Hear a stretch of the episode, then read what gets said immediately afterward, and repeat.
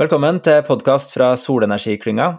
Jeg heter Benjamin Myklebust Rød, og i denne podkasten har jeg med meg gjester fra solenergibransjen, eller eh, som på et eller annet vis eh, har interessante perspektiver som er relevant for solenergi og den energi- og klimaomstillinga vi skal gjennom. Du finner podkasten på Spotify, Apple Podkast eller andre plasser der hvor du hører podkast. I dag har jeg med meg en person som eh, er en sjølskreven gjest i en podkast om solenergi, og som nok hadde vært en eh, god gjest til nesten alle de temaene som er tatt opp i podkasten til nå. Men i dag så skal vi snakke om noe såpass sært som eh, solenergi på Svalbard, og dagens gjest er Bjørn Toru fra konsulentfirmaet Multiconsult. Velkommen, Bjørn. Tusen takk. Eh, på en måte er jo kanskje det at du kunne ha snakka om så mange ulike temaer innenfor solenergi, det som er grunnen til at du ikke har vært gjest her før. Jeg har liksom ikke klart å spisse en sånn uh, tematikk, siden du er så bredt ut i feltet om, uh, om solenergi. Men så kom denne tematikken rundt uh, Svalbard opp og ble et uh, aktuelt tema som vi skal snakke om i dag. Men, men, kanskje først kan du fortelle litt mer om din uh, solbakgrunn, og hvordan Multiconsult jobber med sol? Ja, altså jeg er maskiningeniør. Jeg begynte med solenergi i 2000 med en mastergrad med kjemisk lagring av solenergi. Men så gikk jeg videre og tok en eh, doktorgrad på brenselceller, og jobbet også litt med, med bioenergi. Eh, før jeg havna i solbransjen igjen i eh, ni år etter mastergraden, og begynte da i Scatec Solar, som på det tidspunktet da jeg var på intervju, var tre stykker. Eh, og så var vi seks som begynte samtidig, og var med på en veldig spennende reise der de første tre årene av Scatec Solar, hvor vi gikk fra å være ni fra da jeg ble ansatt, til å være 90. Um, stykker. Så jeg var teknologisjef der, og så eh, kom jeg over i Multiconsult i, eh, på slutten av 2011. Um, og fikk da til ansvar å, å, gjøre noe med sol, var det det jeg sa da. Kan du gjøre noe med sol? Um, det er jo en ganske, ganske bred, uh, bred utfordring.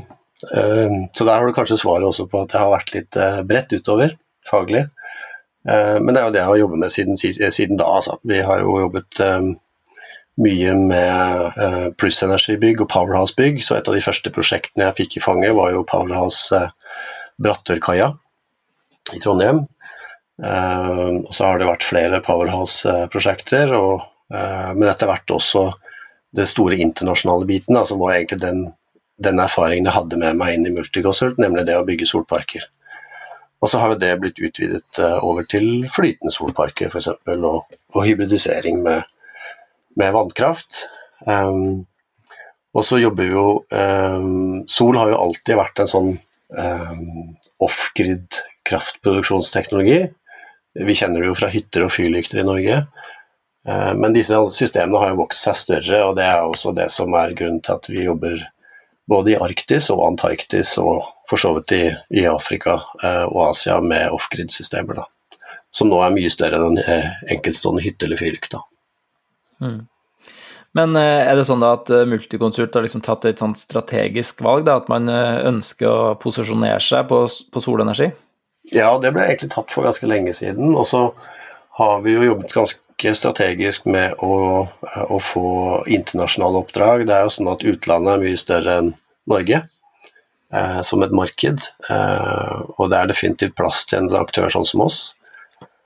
Eh, så vi har jo jobbet med ganske mange veldig store solkraftverk ute, og det er jo kjempespennende prosjekter. Eh, og en del av strategien som egentlig faller veldig godt sammen med det som vi har gjort i, i 50 år før vi begynte med sol, nemlig vannkrafta. Mm. Ok, eh, men eh, ja, savner du å jobbe litt sånn eh, direkte med solenergi, eller er det mer forlokkende å kunne være med på sånn mange ulike prosesser rundt omkring i hele verden som du har mulighet til i et konsulentfirma? Da? Jeg syns jo det er veldig spennende å jobbe med alle disse uh, prosjektene på tvers, fordi det er også altså det er en del av kompetansen, kjernekompetansen, er veldig lik. Samtidig som det er ulikheter som man lærer av.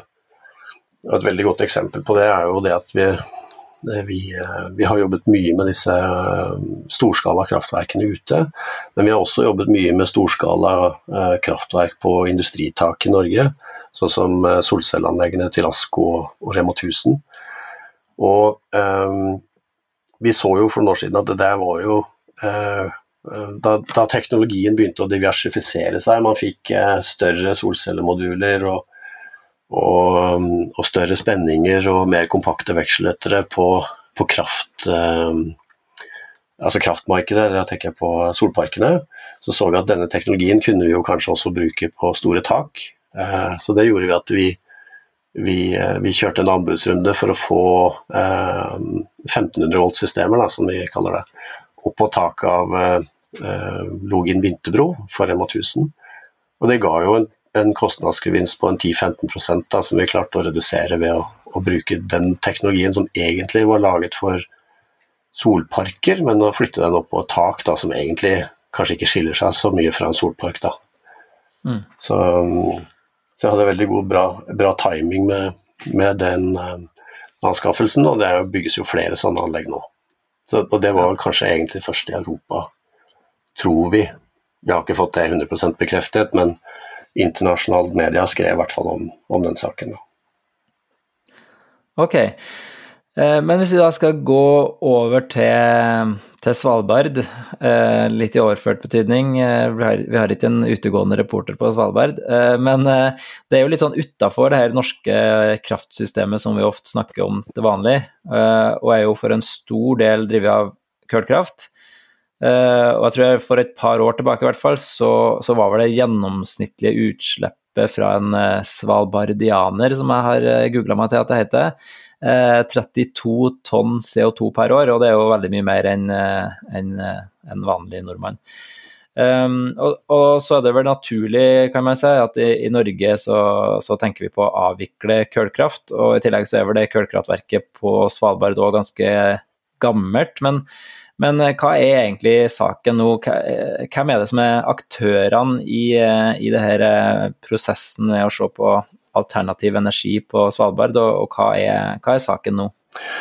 Ja, altså, det har jo vært mange diskusjoner rundt uh, nytt energisystem, og det er jo mange som har hatt uh, ønske om å bytte det ut. Og, da, og, mange har tilbudt seg, altså mange selskaper har tilbudt løsninger og, og kommet med forslag.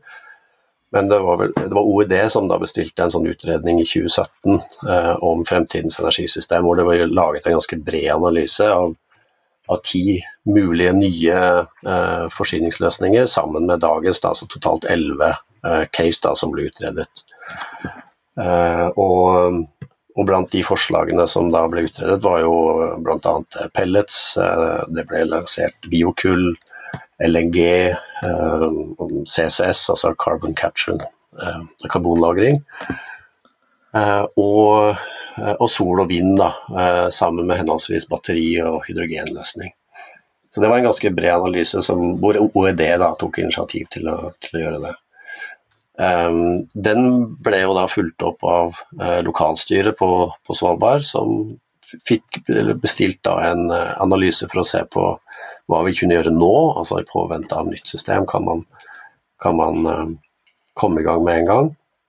Og da eh, ble det utredet om en batteriløsning tilkobla kullkraftverket. da, eh, Som konkluderte med at det var lønnsomt eh, i forhold til driftssituasjonen sånn som den er da. Det er jo et kullkraftverk fra tror jeg, 1982, altså fra 80-tallet, som fortsatt går, er rehabilitert flere ganger. Men kullkraftverk, det, det de gjør, de brenner jo kull og så lager du damp som driver en dampturbin. Og dampturbiner er i prinsippet ikke spesielt godt egnet til å drifte sånne små øynett, eller off-grid. De eh, er ikke så veldig glad i, i at um, lasten endrer seg, altså forbruket av energi og altså strøm og varme endrer seg. Det gir ganske høy slitasje. Og det er samme problemet som man har hatt i Tyskland med kullkraftverkene der, når man har fått introdusert sol og vind der. at i starten så gikk det ganske fint, men etter hvert så begynte eh, det blir så mye sol og vind at eh, kullkraftverkene måtte reguleres, og de, det er de ikke så godt egnet til. Så det er samme problem på Svalbard. Ja, og på, og på, Svalbard kanskje ikke fordi det er så mye sol og vind ennå, men fordi det er så få folk? ja, det er, det, er jo, det, er jo, eh, det er jo en veldig god logisk forklaring til at det kullkraftverket er der, og det er jo at man har gravd opp kullet der, kullet der oppe. Så det er jo på en måte veldig tilgjengelig. Og veldig mm. pragmatisk tilnærming å bare brenne av det for å lage den energien man trenger. Eh, men det er det at eh, forbruket varierer ganske mye da, gjennom døgnet. Eh, og det er ikke det kraftverket så veldig godt egnet til. da. Og den batterievalueringa, det var det òg Multiconsult som gjorde, ikke det? Jo, vi gjorde begge studiene. Det første studiet gjorde vi sammen med Tema, eh, mm. som er samfunnsøkonomisk analyse. Og så eh, gjorde det eh, Og de brukte da sin, sitt beregningsverktøy på, på den økonomiske delen der. Og I den andre analysen så brukte vi eh, et sånn teknoøkonomisk optimaliseringsverktøy som heter Homer, til å dimensjonere opp da denne batteripakka. Den batterivurderinga den, den, var basert eh, på det eksisterende kullkraftverket og, og, hvordan man kan optimalisere det, men, men åpne den batteripakken for andre løsninger senere, da, eller? Ja, altså Hovedhensikten med den var jo egentlig å se på forsyningssikkerheten og den driftsproblematikken som er der i dag. Eh, men det er klart at man har ikke lyst til å gjøre en investering i dag, eh, og så kan ikke den brukes hvis det kommer noe nytt. Så det ble jo gjort eh, studier av hvordan altså hvor, hvor, god er denne investeringen gitt hvis det kommer noe nytt. Så vi studerte f.eks. også effekten av solkraft. Hvordan vil det være hvis man går over til en, en annen løsning. Det var ikke hoveddelen av det studiet, men det var for å teste robustheten. Da.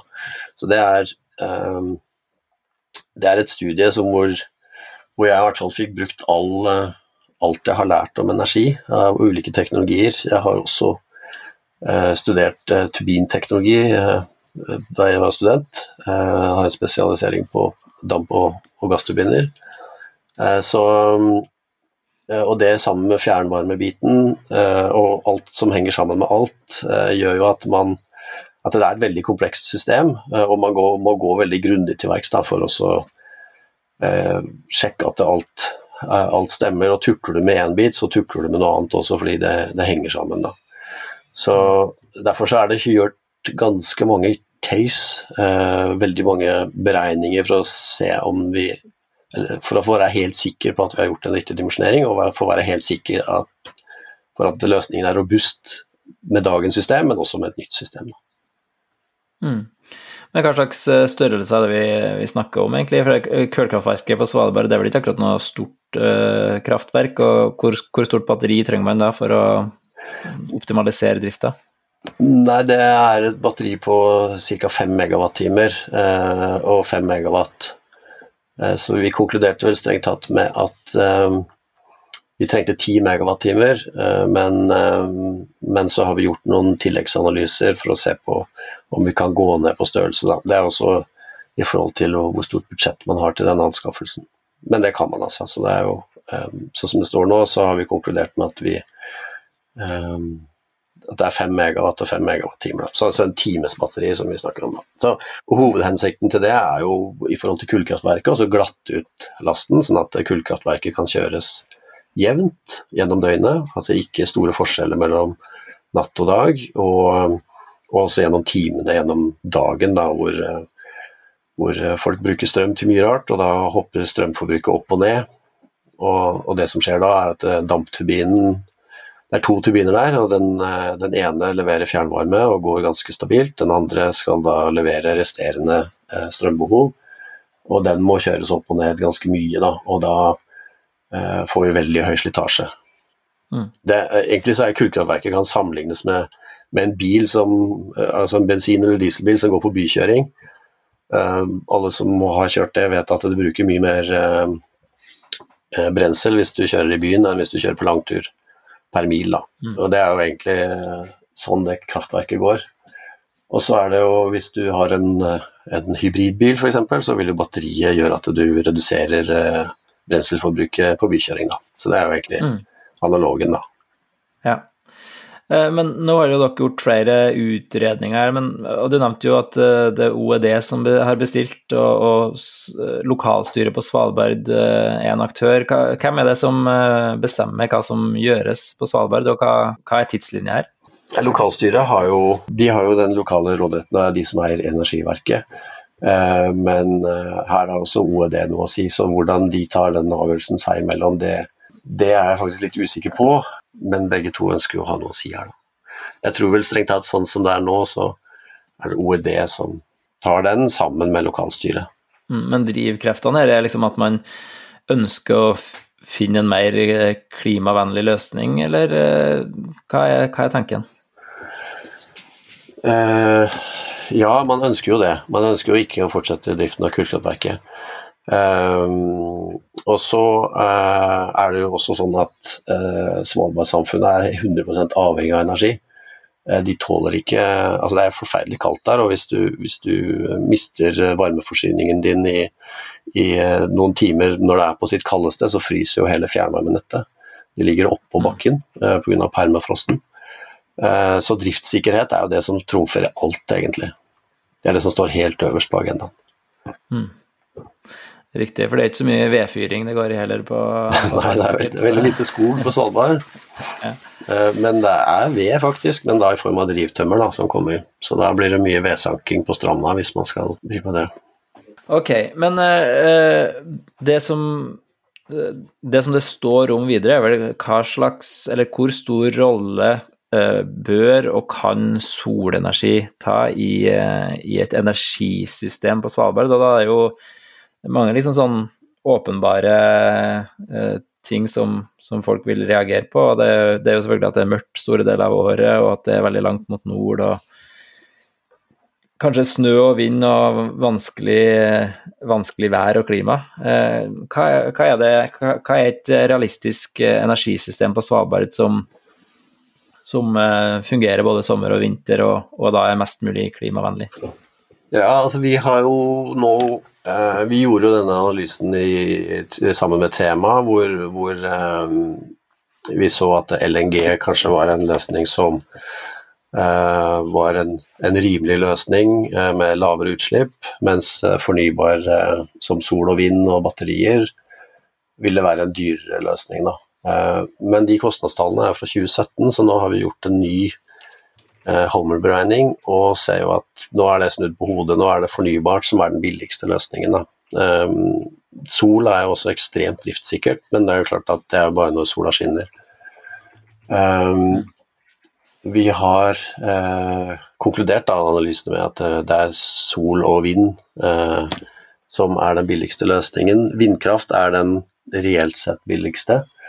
den er billigere enn sol der oppe, men men det er dette her med natur også, man skal ta hensyn til naturen. og eh, det å sette vindturbiner på Svalbard i den naturen som er der, er jo Det er ikke sånn at du kan sette det hvor som helst eh, med de naturinngrepene som medfølger.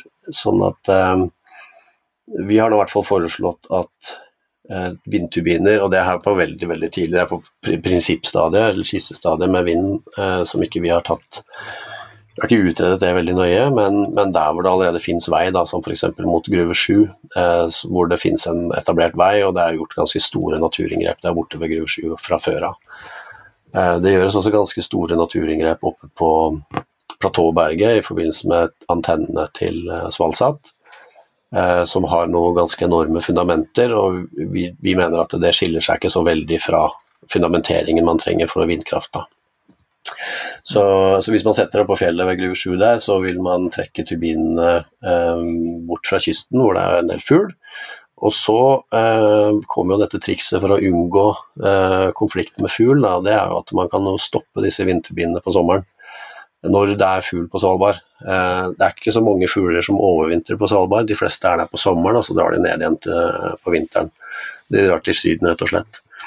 Og Eh, hvis du stopper vintervinduet på sommeren, så er jo det en perfekt match med sol. Da. For da har vi jo døgnkontinuerlig bruk av sol.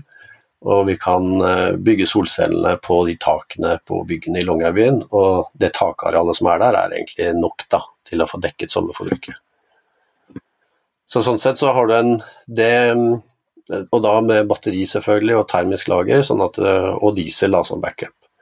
For du vil jo, og Hvis du bygger ut gradvis, så vil du jo kunne ta ned forbruket av diesel over tid.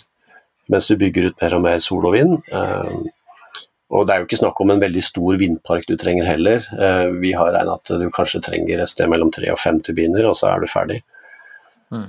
Men, og da er det ikke snakk om de største turbinene. Da er det turbiner på kanskje fire megawatt, så ikke så veldig, ikke så veldig store. Men da sol på, på taket av bygg i, i Longyearbyen. Og det vil jo da ikke legge beslag på ny natur, da. Hvor mange megawatt sol trenger man da? Ja, sånn som vi er her nå, så er det sånn ca. 15 megawatt. da.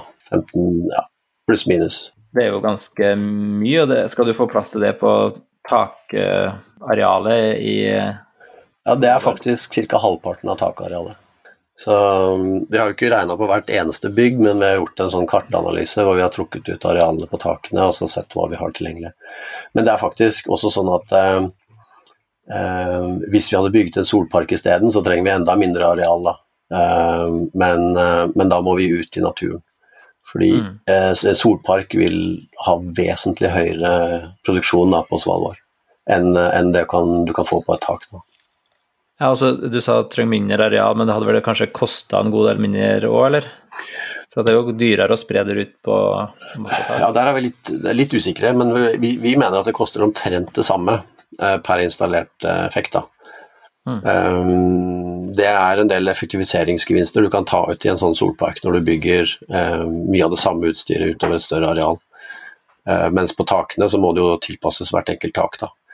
Mm. Um, men er, vi tror, eller beregningene viser at vi har en produksjonsøkning da, uh, ved å bygge solpark på kanskje så mye som 50 da.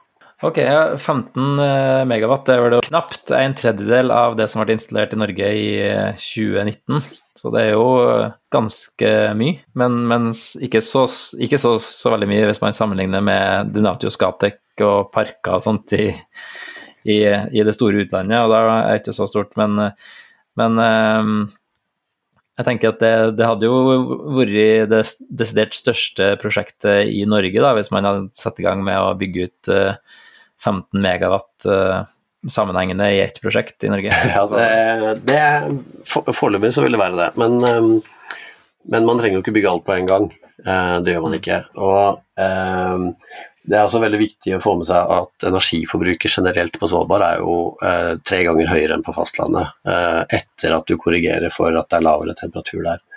Så, så de har et enormt energiforbruk. så et annet veldig viktig element er å redusere energiforbruket i de byggene som er der. Det er veldig mange gamle bygg. Eh, noen bygg er til og med bygget uten isolasjon, og det er nesten så man ikke tror det. Um, en del bygg synker uh, fordi permafrosten tiner, så de sprekker opp og har store lekkasjer. Um, så enøktiltak i sånne bygg må jo starte med refundamentering um, før det gjør noe. Men hvis man uh, plukker ut de byggene som står støtt, og som kan få solceller, og så eventuelt uh, tar en etterisolering samtidig med at du bygger solcellene, så vil man jo på en måte få i pose og sekk. da.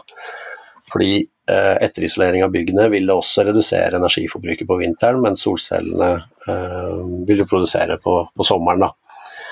Eh, og så bygger man ut det suksessivt da, over tid. Eh, det å ta alt på en gang blir jo bare Da blir hele Longyearbyen en enorm byggeplass, eh, og det er kanskje ikke helt hensiktsmessig. Men det er jo fordelen egentlig med det fornybare her, at du kan bygge ut etappevis. da. Og så trenger ikke å, å, bygge alt på en gang og så slå en bryter fra det ene til det andre. da.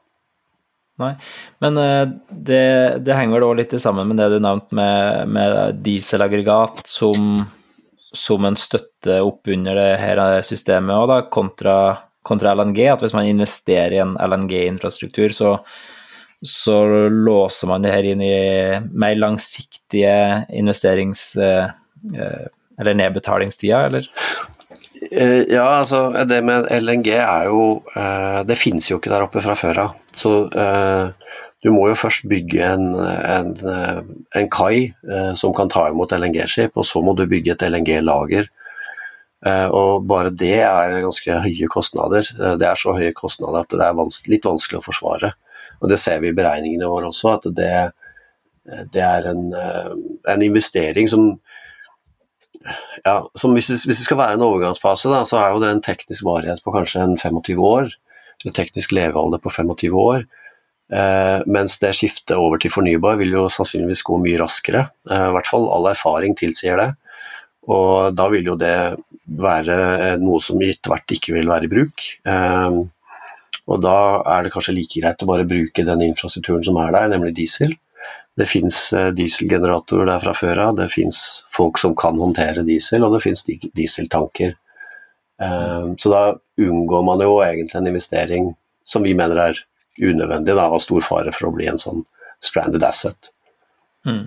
Ja, for at selv om man måtte ha reinvestert litt i diesel òg, så kanskje det en kortere, har en kortere horisont uansett da, enn en LNG, som kanskje låser oss inn i en mer fossil eh det, ja, erstatte kull med en annen fossil kilde, liksom. Ja, En dieselgenerator har jo eh, for det første veldig lave kostnader. Det er jo noe som selges i store volum over hele verden. Eh, det er eh, også sånn at eh, kunnskap om drift av dieselgenerator er veldig lett å få tak i. Det er også noe av problemet med kullkraftverket, at det er kjempevanskelig å få tak i folk som kan drifte et kullkraftverk. Og Det vil være det samme for et pelletskraftverk. Dampturbiner er ikke noe som vi har så mye av i Norge. Og så er Den andre fordelen med, med diesel er at det er, si, ja, det er en fordel. Den har i hvert fall kortere levetid enn enn en eh, mye annet utstyr. Da. 16 eh, 000 timer med drift er liksom det man kan ta før man må ha, ta det som vi kaller for et hovedvedlikehold. Da. da må du eh, inn og gjøre ganske mye utskiftninger på maskinen etter, etter bare to års kontinuerlig drift. Mm. Så, så, sånn sett så er det en, en, en, teknologi som kanskje er veldig godt egnet da, for en overgangsfase. Riktig. Ok.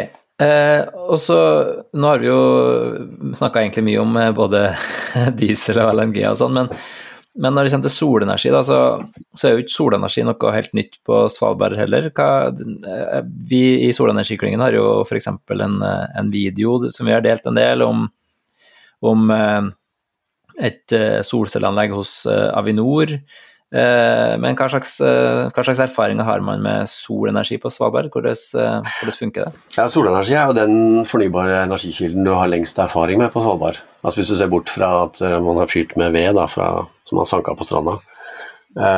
Så det har vært der i hvert fall fem år. Avinor var ganske tidlig ute og bygde vel i 2016, tror jeg, den første delen. Og så har de bygd ut i flere, flere faser. Eh, og fått ganske mye solenergi og er svært fornøyd med den driftserfaringen de har. Det, det, er en teknologi du setter opp, og så bare virker det. Det er, det er i hvert fall det jeg hører fra dem. Eh, og så til og med enda tidligere enn det, så ble det installert eh, solceller på to bygg på Elvesletta av Solbus. Eh, og det, Jeg husker ikke helt hvor mye effekt det er på det, men det er også anlegg som har fungert eh, smertefritt i, i, veldig mange år. Eh, og Telenor har også bygget eh, solceller på en, eh, en, kommunikasjonsmast som de har oppe på, på Skolten. Da, hvor det tidligere ble, brukt diesel, og de bruker da solceller til å kutte dieselforbruk. Så det er en god del erfaring med drift av solceller. Og så i tillegg til det, så er det jo et forskningsprosjekt nå i Adventsdalen på solparker, da. Ja, riktig. Eh, og det eh, Men bare for å spørsmål om det til Telenor. Eh, det er da drevet av solenergi, men fortsatt uh, i sam, samkjøring med, med diesel da, i vinterhalvåret og på natta og sånn? Jeg kjenner ikke alle detaljene rundt det, men, men uh, men uh, det er ganske normalt å bruke diesel som backup. Eller så, på sånne systemer så bruker man også metanol og brenselceller. Da. Det er litt ja. avhengig av energiforbruket. Men det er selvfølgelig batterier der, og det er jo et off-grid-anlegg. Ja. Ok. Eh, du nevnte jo et eh, forsøk, eh, eller forskning i Adventdalen, og, der er vel du veileder for en sånn ph.d.-student ved, ved UNIS. Um, som jeg har lest så vidt om. Og, og da er vel det hovedinnfallsvinkelen kanskje at man ikke bare kan ta med seg erfaringer fra solen, solparker i eh, Egypt og sette opp på 78 grader eh, nord. Hva er det som er potensialet og kanskje ikke minst utfordringene med å sette opp eh, solparker på Svalbard? Ja, vi, er tre hovedveiledere for denne stipendiaten som heter Iver Frimannslund. Så det er jo en, en, en oppgave som går med, sammen med UNIS og NMBU. Med Thomas Thies som hovedveileder ved NMBU og Arne Olberg fra NTNU eller UNIS. Det som studenten ser på er veldig tverrfaglig, og derav disse tre veilederne. Um, og uh, prosjektet i Adventsdalen ser egentlig på snødrift og kraftproduksjon. Og snødrift er det som vi også kaller for fokking. Da. Og det er jo ikke så veldig mye snø oppe på, på Svalbard, selv om det er arktisk, men det er litt ørkenaktig. Men det er veldig mye vind, og denne vinden tar med seg snøen. Og når vindhastighetene bremses ned, eh, så legger snøen seg ned. og Det er det vi kaller for fokk. Og Når du bygger en sånn solpark, så blir det en konstruksjon i terrenget som, som bremser vinden. Da. Så studiene går da på å se på um, hvordan vil en sånn sol solpark uh, fange snø, rett og slett. Uh, hvordan vil fokking pakke seg en solpark. Så den solparken er bygd ja, litt sånn som vi ville bygd den her nede på fastlandet uh, i utgangspunktet. og så har man studert eh, hvordan snøen legger seg, altså prøvd å modellere det opp også. Så man prøvd å lage en, en matematisk modell, eller en CFD-modell, som eh, eh, skal forutsi da, egentlig, eh, hvordan denne snøen vil legge seg på ulike eh, konstruksjoner. Og da er jo hensikten at vi skal lære av det til å finne en, en konstruksjon som ikke fanger snø. da. Uh, I tillegg til det så er det jo altså Solparken er jo ikke bygd med solceller, dessverre. Det, for å spare penger så er den bygd i tre. Men det er satt opp noen uh, solceller der også for å, å registrere produksjonen. da. Og Det som er spesielt spennende, er jo at det er en si, standard eh, ensidig modul. Og så er det to moduler som står rett og slett mot hverandre. altså En som vender ned mot bakken, og en som vender opp mot himmelen. Og så er det en sånn tosidig uh, bifacial-modul. da som står der. Eh, og det som testene viser, er jo at du har en fantastisk produksjon fra disse tosidige modulene på sommeren. Eh, eller på våren, mener jeg, hvor det er snø på bakken, hvor 80% av lyset reflekteres tilbake igjen. Eh, og så har du god produksjon fra denne modulen ned mot bakken på sommerstid også, fordi at sola går jo ikke ned, så den står også på nordsiden. Eh, og lyser inn eh, på modulen midt på natta, så da har du en sånn liten produksjonstopp eh, på natta, og så har du en på dagen. Og modulen står da 30 grader vendt sør, da.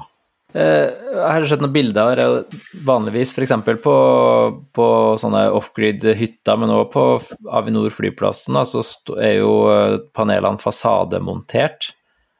og da vertikal, mens her er det som jeg sier, er de jo tilta sa du 30 grader. Mm. Uh, hva, hva, er grunnen til at de er såpass uh, flatt, da, og ikke, ikke, mer som man kanskje skulle ha trodd at man får med seg uh, sola gjennom uh, tida dere står lavere på, på, himmelen? er det for å få med seg mest mulig om sommeren, eller?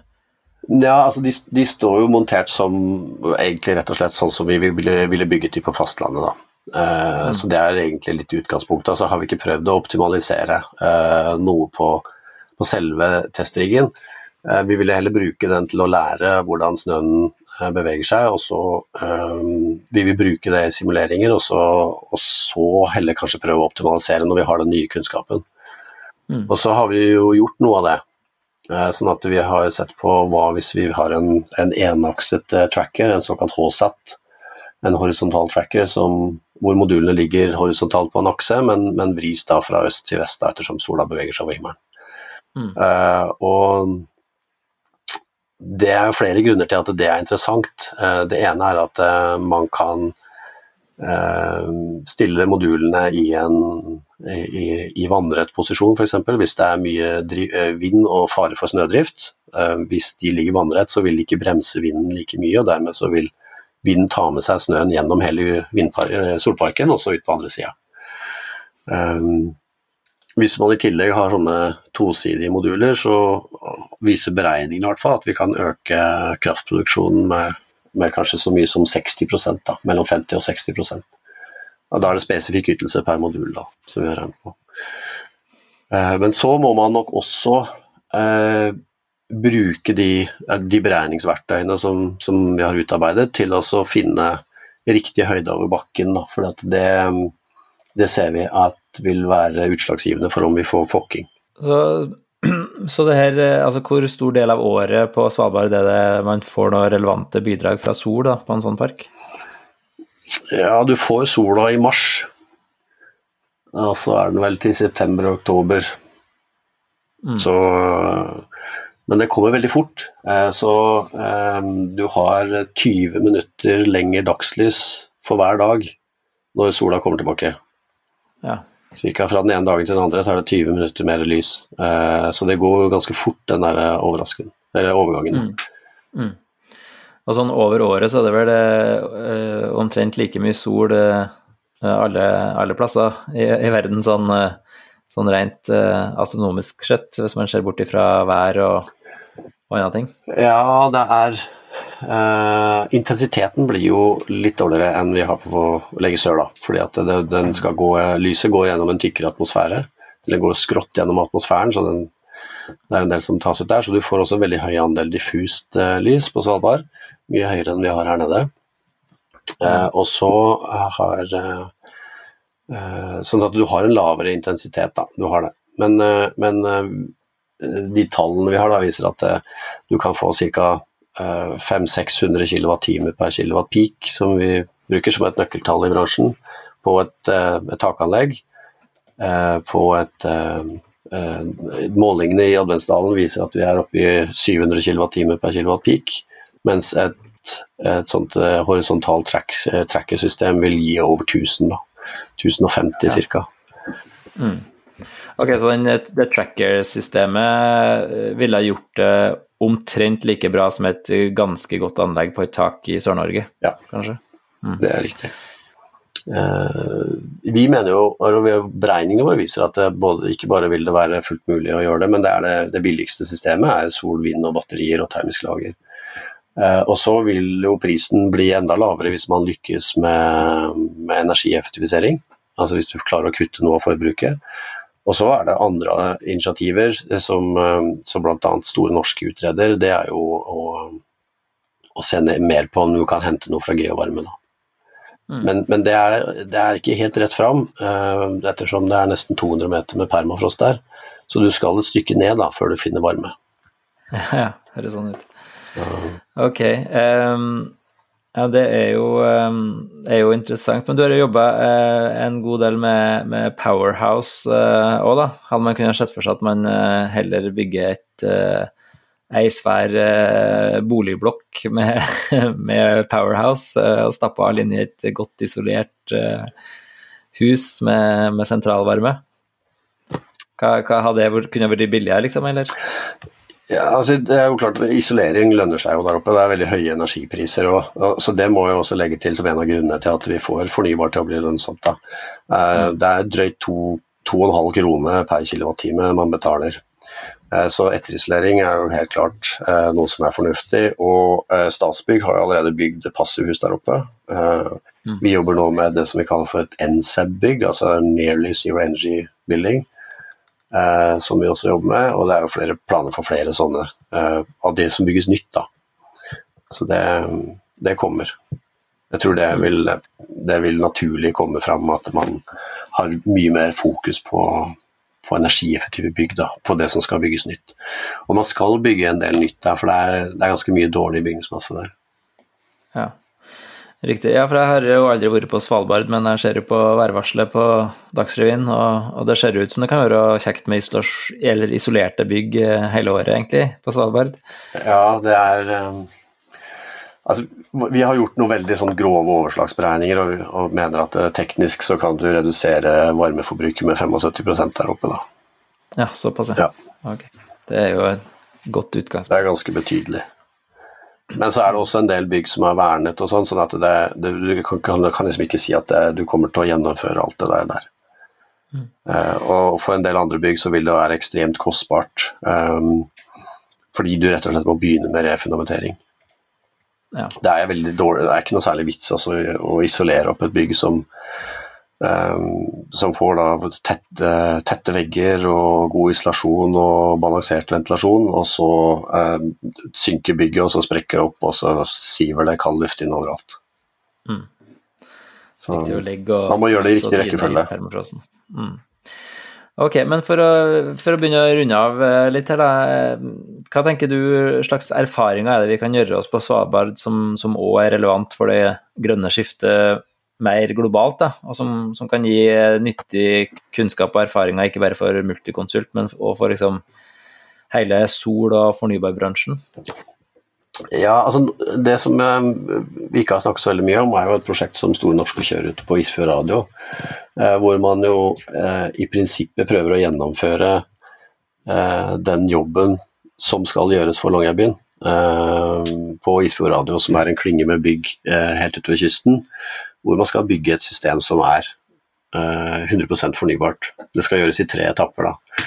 Og, og, gjennom det arbeidet der så vil man jo høste veldig mye erfaring for Eh, eh, bruk av eh, fornybar sol- og vindkraft i, i Arktis. og hvordan sånne system skal driftes, og ikke minst hvordan vi skal optimalisere de med, med gode, gode styringssystemer, som må utvikles også, som Store Norske har ganske stort fokus på. og så er jo sånn at Store Norske har jo sagt at de har ambisjoner om å, å fortsette med å bygge sånne systemer i Arktis, og de har jo identifisert 1500 bosettinger som i dag driftes med fossilt drivstoff.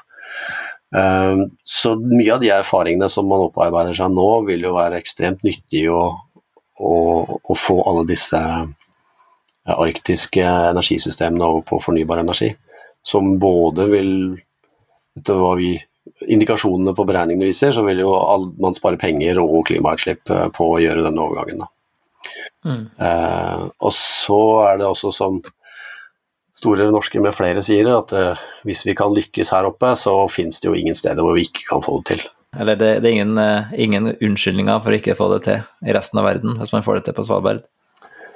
Nei, det er, det er på en måte så ekstremt at uh, det, uh, det, det, det kan ikke gjøres så veldig mye mer vanskelig.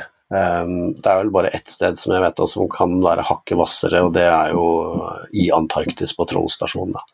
Der har du eh, Det er jo ekstremvinder som gjør det, det er vanskelig der nede. Ehm, men, ehm, men også der står det jo solceller og produserer. Så, men det systemet er ikke 100% fornybart enda.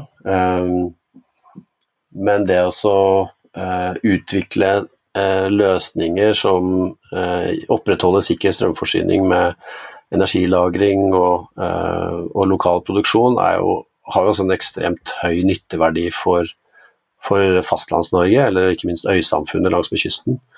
Hvor, hvor, mange av disse øyene i Norge i dag har kraftkabler som ble lagt i gang for lenge siden, og som Eh, kanskje har sine begrensninger, eller nådd sine begrensninger, og ikke, ikke gjør det mulig å bygge ny industri eller nye arbeidsplasser på, på øyene. Og, og, da kan denne typen løsninger som vi jobber med på Svalbard nå, være veldig eh, Eller ha stor, stor, overføringsverdi. Og det har det for så vidt allerede gjort, gjennom at vi har brukt av erfaringen vi har lært på Svalbard, eh, inn i et eh, prosjekt som heter Smart Senja, hvor det er batterier da, som skal avlaste nettet på Senja. Mm. Mm. Så, så, veldig mye av den den teknologien er, er, nok mye mer relevant for fastlandet enn man skulle tenke seg ved første øyekast. Mm. Ja, det høres ut som det er masse jobb eh, å gjøre for dem som leverer både sol og, og batteri, og for så vidt byggisolasjon òg. Men med det så tror jeg jeg sier uh, tusen takk for at du ble med i Solenergiklyngens podkast, Bjørn Toru. Takk for meg. Og til dere som hører på, så abonner gjerne på podkasten, og følg med på solenergiklyngen.no eller på Facebook for eh, oppdateringer om eh, både solenergi og podkasten.